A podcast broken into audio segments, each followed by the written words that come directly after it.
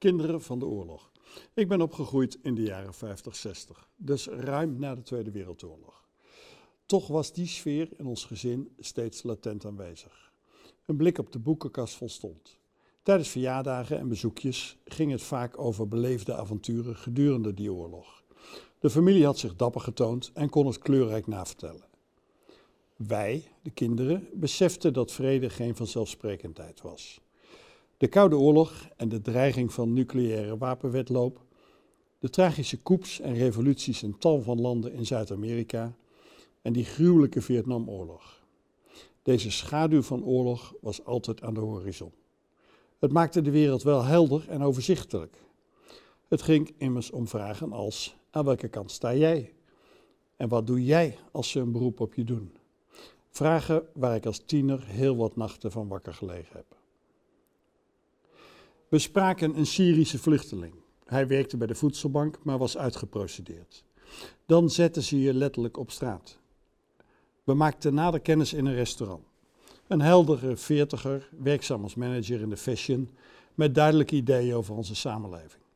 Gevlucht vanuit Aleppo. Zonder paspoort of papieren. Die was hij kwijtgeraakt toen hij via de weg des doods naar Europa vluchtte. Mijn ouders eten nu gras, een half miljoen doden. Mijn stad is verwoest door het leger van Assad met steun van Poetin. Zijn Prodeo-advocaat had er een zootje van gemaakt. Ze moest het vak nog leren.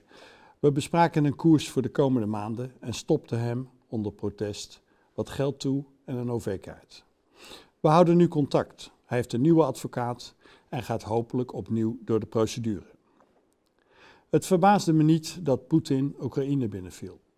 Je stuurt niet zoveel troepen en materieel naar de grenzen, stelt zulke heldere eisen om vervolgens met de staart tussen de benen af te druipen. Dat is gevaarlijk spel voor een dictator. Op papier klinkt zijn wens, een neutraal Oekraïne, ook niet onlogisch. Maar het is aan de regering van Oekraïne om dit te bepalen.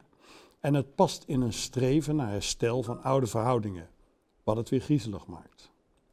De reactie van het Westen is hartverwarmend krachtig en veel te weinig tegelijkertijd. Ik heb nooit eerder zo'n eensgezinde stroom sancties en maatregelen gezien. Maar ik heb weinig vertrouwen in het effect ervan op korte termijn. Dit zou wel eens heel veel levens kunnen kosten.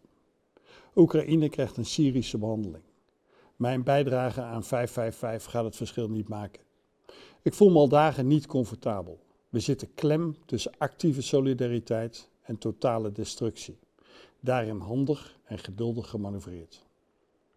Het conflict creëert ook duidelijkheid. Europa is al lang verslaafd aan fossiele energie uit het oosten. De Zuidas verdiende daar een aardige boterham aan. Keurige MVO-bedrijven blijken obscure klanten te hebben. En onze defensie blijkt net zo uitgewoond als de jeugdgezondheidszorg, het huisvestingsbeleid of het buurthuiswerk. We werden vorig jaar geconfronteerd met een niet eerder geziene inflatie en stijging van grondstoffenprijzen gebrek aan logistiek en planning, arbeidskrachten en skills. Waar bovenop de opgave kwam de samenleving grondig te verbouwen naar sociaal, circulair en klimaatneutraal.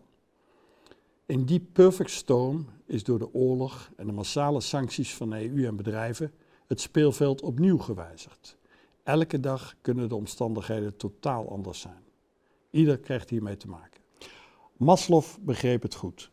In tijden van crisis zakken de behoeftes naar veiligheid, eten en drinken en een dak boven je hoofd.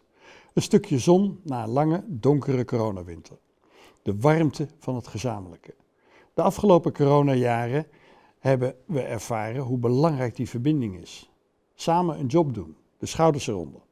Misschien verklaart dat ook een stuk van de ongekende solidariteit onder Europese burgers. We hebben dit voorjaar weer ervaren dat vrede een kostbaar goed is. Dat democratie gekoesterd en onderhouden moet worden. Misschien dat deze ervaringen ons leren wat reëler naar onszelf en naar onze omgeving te kijken. Terug naar de kern.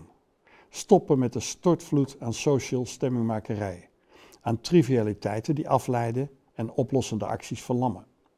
Maar werken aan een scenario wat ons in de toekomst duurzaam verbindt met het Russische volk. Want zijn zij niet in de meest letterlijke zin kinderen van de oorlog?